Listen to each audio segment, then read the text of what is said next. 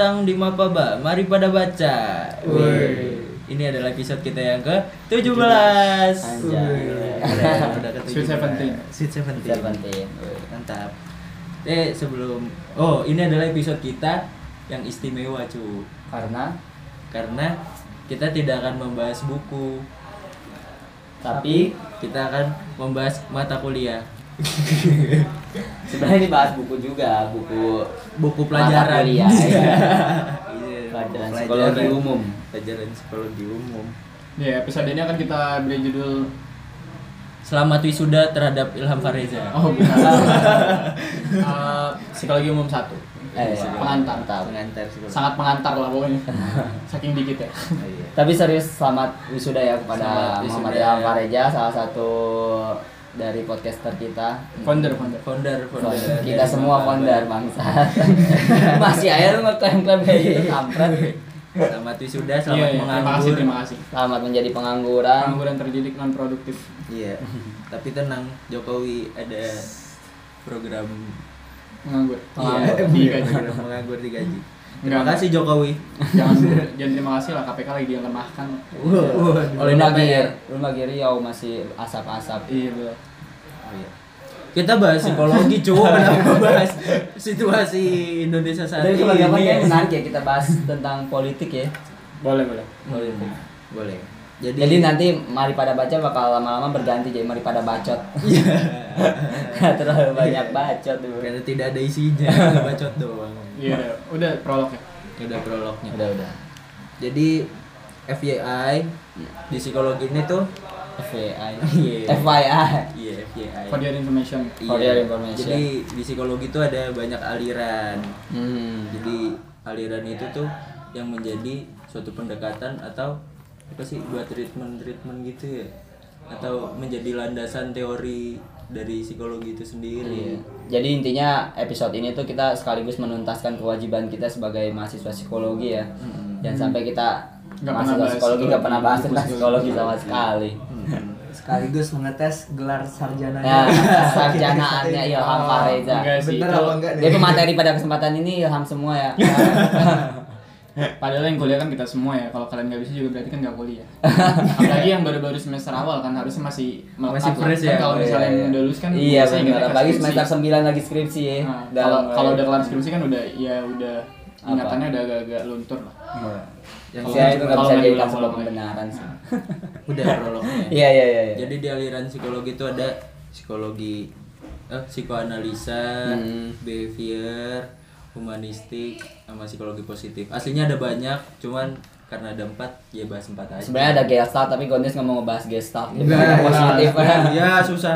Ya ada banyak lagi aliran lah, cuman kan biasanya yang jadi kurikulum dalam pengajaran biar mempermudah untuk pemahaman Hmm. si siswanya ini akhirnya dibagi menjadi yang aliran-aliran besar itu Yang besar, dan memang iya. berpengaruh besar lah. Dan uh, ajaran-ajarannya juga saling ya ada yang bertolak belakang juga. Iya. Hmm, ada yang bertolak belakang, ada yang berkaitan.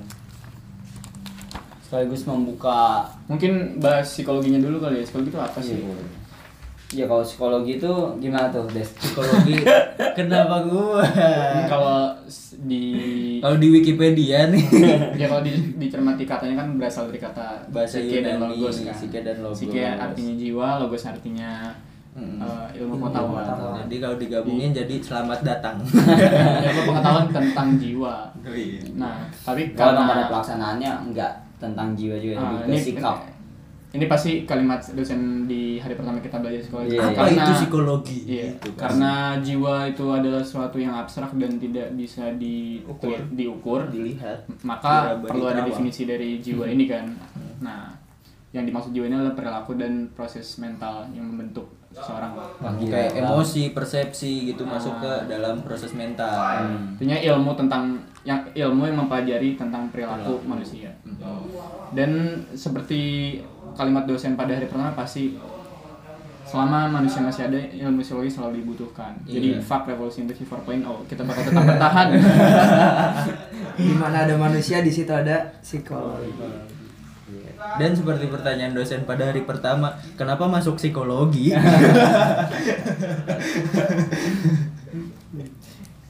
Oh, iya. ya, uh, so- eh, psikologi mulai menjadi sebuah Ilmu. eh, ilmu itu sejak eh, 1879 kalau nggak salah ya. Hmm, Eh, Dimulai dari Wi- Wi- Wilhelm Wundt. dari laborat- laboratorium di Leipzig. Iya. Akhirnya eh, yang dipelajari di ilmu psikologi bisa dikuantifikasi dan bisa dibilang ilmiah lah. Hmm. Mulai dari situ lah dari karena ada Leipzig. penelitiannya dan Ah. terbukti Karena emang sebenarnya udah sejak dulu banyak juga yang ngomongin soal manusia, banyak juga yang soal ngomongin psikolo- psikologi, tapi masih berupa yang masih dalam ranah filsafat iya. dan common sense ya. Ya salah satu tokohnya yang kita kenal bersama ya karena dia juga bukan hanya sekedar tokoh psikologi saja tapi juga tokoh filsafat juga ya yaitu Sigmund Freud. Dia eh, pelopor bisa disebut juga sebagai bapak psikologi karena emang dia sebagai orang yang memperkenalkan ilmu jiwa pertama kali, ilmu apa? kepribadian pertama kali dengan teori pertamanya adalah psikoanalisa. Hmm. Ya, uh, kalau dalam sejarahnya sih yang pertama kali muncul ya adalah teori strukturalisme ya. Iya. Ya, Strukturalisme tuh ingin membedah uh, poinnya adalah apa sih itu jiwa, struktur apa sih yang Hmm. uh, membentuk gitu. Sampai nanti uh, doktrin itu lama-lama luntur tuh ideologi strukturalisme sama fungsionalisme, Fungsionalisme. dari William James. Itu kalau tadi pertanyaan di strukturalisme pertanyaan lah apa itu jiwa. Nah, kalau yang di fungsionalisme itu untuk apa Untuk jiwa itu apa? kan. iya Habis itu barulah ke psikoanalisis sampai nanti ke behavior, lalu ada ke Humanistik. dan mung- mungkin bisa dibilang yang paling baru psikologi positif Iya, ya. yang terbaru karena di tahun 98 Dan kalau lebih baru lagi mungkin ada psikologi evolusioner yang Evolusioner. kita Oh, nggak ada iya. yang berani buat bahas lah. karena kita Tapi emang tidak itu udah sah mempelajarinya ya? Emang itu udah disebut sebagai aliran belum Belum jadi tapi ya, tokoh-tokohnya udah ada. aliran. Iya, Bagus. tokoh-tokohnya udah ada, tapi belum fix sebagai aliran. Nah, mungkin dari yang pertama dulu ya, Iya. psikoanalisis. Psikoanalisis yang paling besar, ya? yang paling ya Dasar semua lah. teori psikologi setelah itu hanya jadi catatan kakinya psikoanalisis lah. sebenarnya. Ah enggak juga sih. Jadi teori yang lain tuh hanya ada di pundak psikoanalisis coy. Psikoanalisis tuh sebesar itu. Oke, gua bakalan eh, bahas lebih lanjut tentang psikoanalisis. ya. Jadi psikoanalisis itu merupakan salah satu aliran dalam ilmu psikologi yang dikembangkan oleh Sigmund Freud itu tadi. Eh, dia Sigmund Freud itu juga eh, julukannya bapak psikologi ya tadi. ya. Nah terus jadi sebenarnya apa sih psikoanalisis ini? Jadi psikoanalisis ini adalah eh, suatu aliran yang mengatakan bahwa perilaku itu ditentukan oleh alam bawah sadar yang berisi insting atau naluri alamiah dan do- dan dorongan biologis manusia. Jadi kalau kita melihat struktur kepribadian psikoanalisis itu ada tiga, ada id, ego, dan superego. Nah, biasanya ini digambarkan dalam sebuah ilustrasi gunung es ya, yang di mana eh, gunung es ini eh, justru lebih besar di bawah permukaan gitu dibandingkan dengan yang muncul ke atas. Nah, eh, analoginya adalah yang di bawah permukaan itu adalah it atau eh, naluri alamiah atau dorongan biologis manusia, keinginan-keinginan manusia untuk mendapatkan sesuatu dan nafsu-nafsu lainnya. Sementara yang dianalogikan di permukaan air laut itu adalah superego. Superego itu adalah eh semacam norma-norma yang berlaku di masyarakat gitu. Jadi semua semua keinginan, semua dorongan naluri alamiah manusia itu dibatasi oleh superego gitu. Eh, dibatasi oleh norma-norma yang berlaku sehingga yang dianalogikan dengan gunung es yang muncul ke atas permukaan itu adalah ego. Ego itu adalah eh, perilaku manusia sendiri yang yang muncul berdasarkan refleksi dari it tadi dari dorongan eh, naluri alamiah manusia itu. Jadi perilaku manusia itu terbentuk berdasarkan dorongan namun ditekan oleh superego di- ditekan oleh eh, norma-norma yang berlaku gitu. Mungkin secara umumnya seperti itu. Ya singkatnya psikoanalisis itu mau memahami manusia lewat peran uh, ketidak uh, alam bawah sadar. Alam bawah sadar. Uh, jadi uh, perilaku-perilaku manusia itu bisa dijelaskan lewat uh, alam bawah sadar ya Pleng ya. Iya, betul. Dan ya yang tadi it ego super ego itu adalah salah uh, teori Freud tentang struktur ke- struktur uh, kepribadian. kepribadian. Jadi perilaku manusia itu merupakan refleksi dari alam bawah sadarnya Iya. gitu. Dari apa yang dipikirkan, dari apa yang dirasakan di masa lalunya. Nah, itu merupakan refleksi dari Jadi Ah. Maka gue mau contohnya- contohnya gimana sih? Contohnya nih, jadi tuh jadi di dalam manusia tuh ada motif dalam berperilaku nih. Hmm. Kenapa lu kenapa lu melakukan sesuatu hal? Nah, kalau di psikoanalisa ini nih, dia melakukan sesuatu itu tuh atas dasar alam bawah sadarnya dia gitu. Nah, yang di alam bawah sadarnya di Sigmund Freud tuh apa sih yang motif-motif agresif sama Hmm. seksual ya sama seksual jadi kenapa manusia berperilaku bla bla bla bla itu karena dorongan agresif sama seksual nah itu katanya Freud Jadi ya penemuan alam bawah sadarnya Freud itu salah satu uh, terobosan terpenting sih dalam ilmu psikologi. Itu juga yang membuat kenapa Freud sebesar itu karena Hmm. memang uh, ternyata yang perilaku-perilaku manusia itu nggak selalu bisa dijelasin lewat cara-cara ra- rasional gitu. Iya. Ternyata perilaku kita terkadang juga itu adalah irasionalitas dan uh, kayak misalnya contohnya yang Freud gambarin kan keselip lidah ya. Hitam. terus iya atau mimpi. Nah hal-hal itu tuh ternyata kadang di drive sama sesuatu yang selama ini nggak kita sadarin gitu. Dan itu uh, disebabkan misalnya bisa dari pengalaman masa kecil lo. Oh iya. Dan uh, keinginan lu yang lu pendem di alam bawah sadar lu sehingga nanti di beberapa saat itu keluar dengan sendirinya gitu. Hmm. Jadi kita tuh nggak selamanya sadar untuk melakukan sesuatu. Hmm.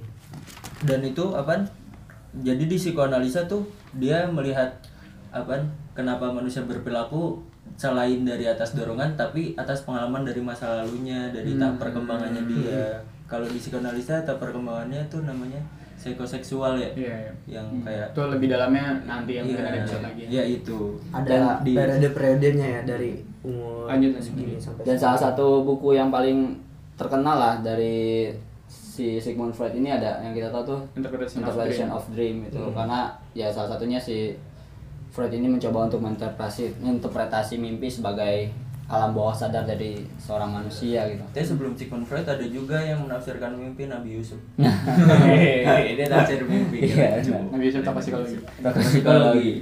Ya selanjutnya nih eh, apa maju dari psikoanalisa ada juga teori behavioris behavior- behavioristik behavioristik ini eh, salah satu bentuk lain dari psikoanalisa ya kalau psikoanalisa itu melihat dari apa namanya melihat dari eh, alam bawah sadarnya nah kalau si behavior ini dia melihat dari perilaku benar-benar dari semua yang nampak seolah-olah ya ini seolah-olah dari apa seolah berupa lawan dari psikoanalisa ini sendiri karena ya dari si tokohnya ini namanya ada banyak ya ada J.B. Watson ada Ivan Pavlov ada B.F. Skinner ada Thorndike dan yang paling terkenal itu J.B. Watson pada tahun karena dia pada tahun 1913 kalau nggak salah dia mendirikan eh, apa behavioristik ini gitu dan ini tuh eh, di J.B. Watson ini penelitian yang terkenalnya itu namanya eh,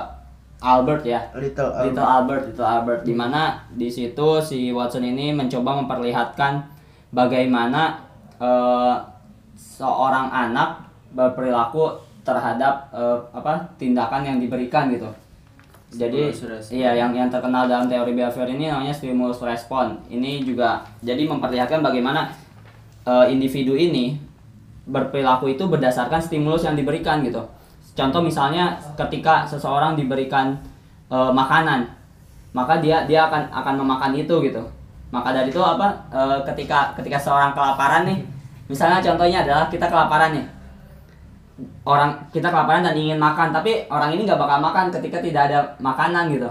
Tapi ketika dia, dia ada makanan akhirnya dia makan seperti itu. Hmm. Contoh ada juga nih kalau misalnya si siapa Pavlov. Pavlov, Pavlov itu Anjing. terkenal dengan eh, teorinya classical conditioning. Classical conditioning yang mana penelitian itu tentang anjing, anjing Pavlov. Di situ penelitiannya itu memperlihatkan ketika seorang anjing diberi makanan perlahan-lahan. Iya, per- pertama anjing itu diberikan di, diberikan lonceng. Nah, ketika anjing itu datang, baru diberikan makanan. Mm-mm. Lalu berlanjut seperti itu sampai Air liur. iya sa- sa- sampai ketika anjing itu diberikan lonceng, anjing itu akan mengeluarkan air liurnya. Itu memperlihatkan bahwa apa lonceng itu sebagai stimulus untuk apa si anjing ini untuk merasakan lapar seperti itu atau menghampiri untuk ma- minta makan seperti itu atau yang di penelitian BF Skinner itu ada namanya penelitian Skinner box. Hmm. Penelitian Skinner box ini tuh eh, penelitian yang mem- apa memberikan stimulus terhadap tikus. Mm-mm. Yang mana tikus ini tuh akan mencoba meraba-raba eh, men- mencari makanan ketika dia ada tombol, ketika dia menekan tombol itu ternyata muncul makanan gitu. Dan akhirnya eh, ketika tikus ini apa merasa lapar akhirnya dia menekan tombol, muncul makanan, menekan tombol, muncul makanan. Jadi eh, apa si tombolnya ini tuh berfungsi untuk ya ini ad- ada proses belajar di situ gitu. Makanya teori behavior ini juga disebut sebagai teori belajar kayak gitu. Oh iya. Jadi kalau gue tafsirin dari kata-katanya Rega tadi, Tadi ada yang kurang Gue agak belibet ya. Tadi mungkin Rega belibet. Jadi secara ga- gampangnya nih, apa psikologi behavior itu tuh teori teori utamanya tuh stimulus respon. Jadi stimulus itu adalah faktor eksternalnya, responnya tuh kita yang merespon atas faktor eksternal itu tersendiri gitu. Contohnya kan yang makanan gitu. Jadi alasannya alasannya kenapa kita berperilaku itu karena da- adanya faktor eksternal atau stimulus gitu ketika kita makan tuh bukan berarti kita lapar tapi karena emang ada makanannya Iya, ada makanan. gitu percuma kita lap kita lapar nih Tapi kita nggak iya, kita nggak bakal akan bisa makan. berperilaku makan gitu Iya, jadi benar. gampangannya tuh gitu Ya itu maksudnya seperti itu. Emang, Iya. emang Gode sangat mengerti cara mana lanjut lanjut ya. nah eh, yang pertama tadi tuh mazhab pertama kan be- behavior, Behavior. mazhab kedua tuh psikoanalisis nah eh, karena di titik itu mulai banyak psikolog yang eh, merasa terlalu dominan ya Iya. di si behavior sama psikoanalisis dan eh, ada beberapa kekurangan lah nah akhirnya lahirlah mazhab ketiga mazhab ketiga ini dinamakan eh, humanistik Mm-mm. salah satu tokoh yang jadi teori humanistik adalah uh, Maslow, terus Carl Rogers sama uh, May kalau nggak salah namanya. Nah, uh, dalam humanistik ini dia salah satu salah satunya meng- mengcounter teori-teori yang ada di psikoanalisis dan behavior ya.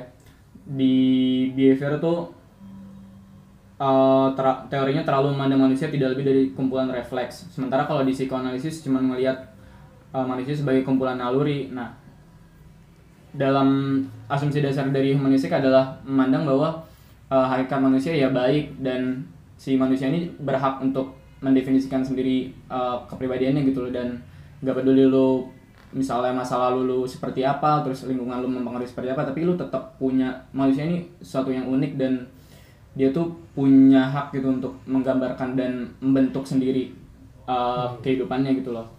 Dan si psikoanalisis kan terlalu memandang manusia dari ketidaksadaran ya. Dan uh, teori-teori sebelumnya ini terlalu memandang manusia tuh udah ditentukan gitu. Terlalu determ- dalam dalam hal ini determinisme ya nama alirannya. Dan uh, para tokoh-tokoh di humanistik ini percaya bahwa manusia punya kehendak bebas. Yang jadi salah satu teori penting uh, dari Maslow adalah yang mungkin ini juga salah satu teori psikologi yang paling terkenal dan bisa diaplikasikan ke banyak hal ya termasuk di perusahaan dan berbagai dunia kerja yaitu teori apa? Uh, hierarki kebutuhan. Oh, iya, hierarki iya, Maslow. Maslow, hierarki Maslow. Yang uh, ada lima dan itu berjenjang untuk dipenuhi. Uh, yang pertama adalah teori yang pertama adalah kebutuhan akan fisik seperti makan, biologis biologis kebutuhan biologis. Yang kedua adalah kebutuhan akan rasa aman. Harus aman. Uh, yang ketiga adalah kebutuhan Cinta, akan dicintai, belongingness and love needs. Yang keempat harga diri. adalah kebutuhan harga diri. Yang kelima adalah Aktualisasi aktualisasi diri. diri. Nah, aktualisasi diri inilah yang menjadi salah satu motif dasar dari manusia juga. Jadi manusia itu hidup untuk beraktualisasi diri. Hmm. Nah, salah satu, nah eh, humanistik juga menyumbang berkontribusi besar ya dalam dunia psikologi ya termasuk si Carl Rogers ini dia adalah salah satu penemu teori psikoterapi yang uh, client center therapy. Oh, dia itu yang ber uh, ya client center therapy itu uh, sebenarnya mengambil juga dari caranya metode Socrates yaitu met- metode noetics yang menggali informasi tentang diri seseorang dari orang itu sendiri. Um, client center therapy ini dia digunakan untuk uh, kata klien digunakan untuk menggantikan istilah pasien untuk menunjukkan ada hubungan yang sejajar antara terapis dengan yang diterapi Hmm. dan bahwa yang diterapi itu adalah orang sehat, orang yang punya wawasan, bukan orang sakit. Sampai sekarang kalian center terapi salah satu yang paling sering digunakan, digunakan sih selain terap- teori terapinya Freud ya. Iya. Hmm. Terus yang tadi ada Rollo Resme, salah satu tokohnya itu dia yang uh, men- akhirnya memadukan dan sinergiskan filsafat uh, eksistensialisme dan uh, ilmu psikologi nah di di humanistik ini. Mungkin sekian ya. Humanistik. Kayaknya nggak nggak perlu diterjemahin lagi. Iya, ya udah. Udah terlalu Tapi udah pro.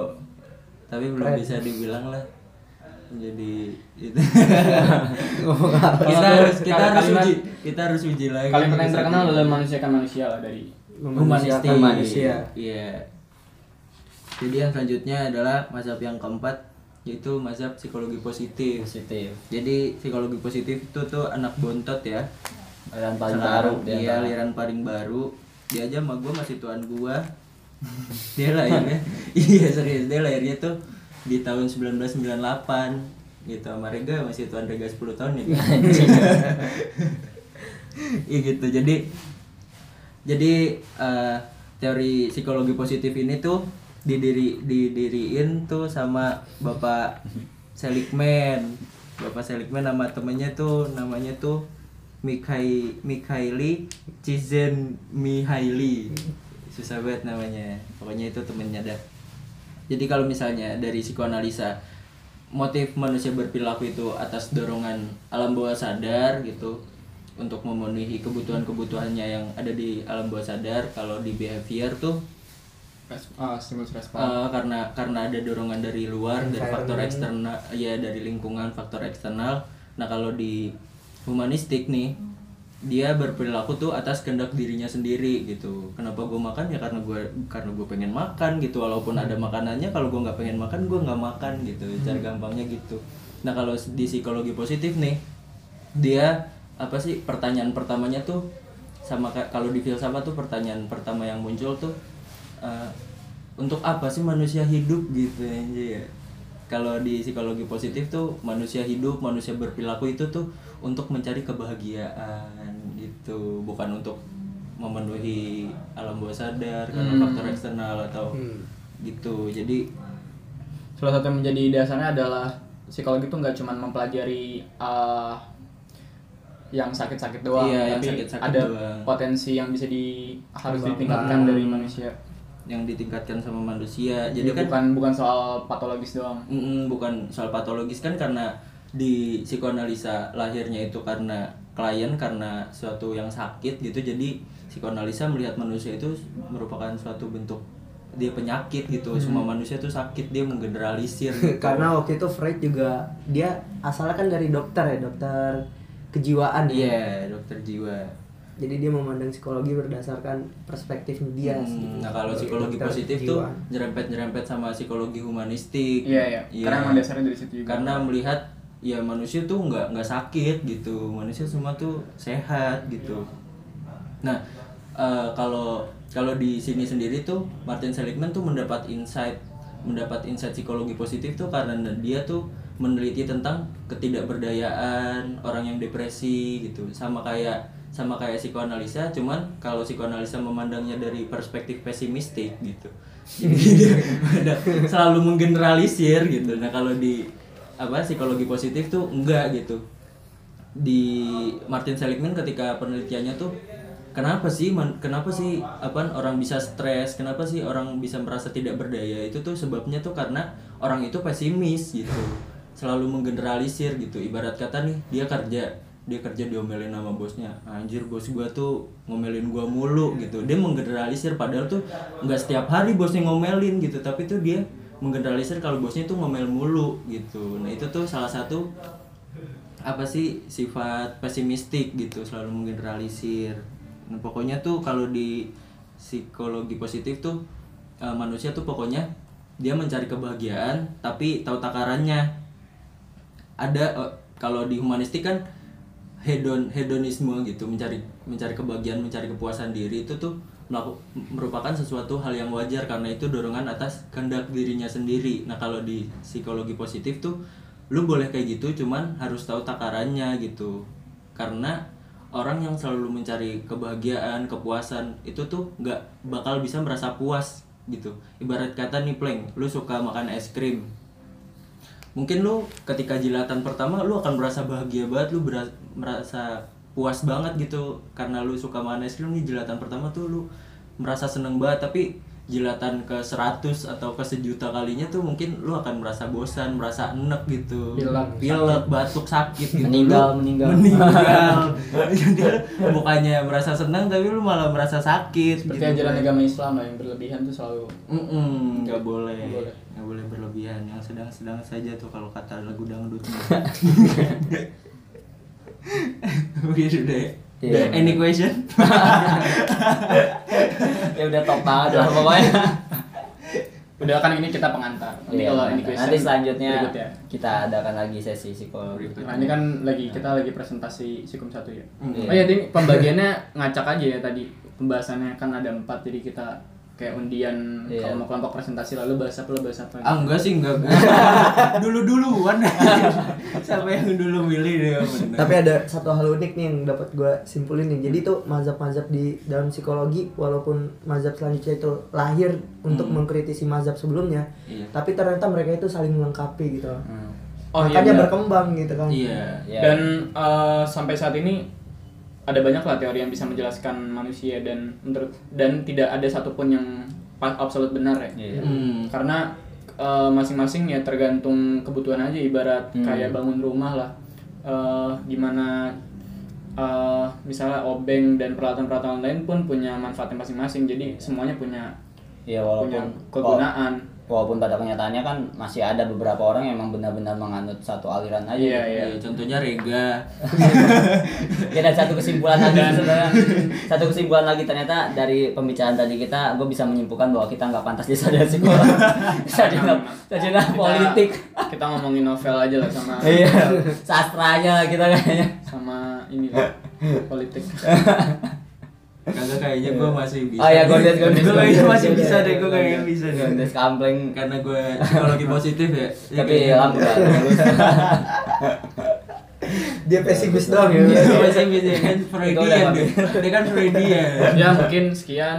Eh, di episode selanjutnya di episode kan? selanjutnya kita akan mengadakan Q, episode Q&A ya. Iya, jadi dan- tolong tanyain tanyain banyak. Iya dan juga mau nanya apa aja. dan juga kayaknya melihat momentum bulan September ini kayaknya nggak lengkap kalau misalnya kita nggak ngebahas isu-isu terkait komunis komunisme. Maka tunggu saja untuk episode selanjutnya kita akan membahas tentang komunisme. Jeng jeng jeng jeng. Terima kasih. Selamat membaca.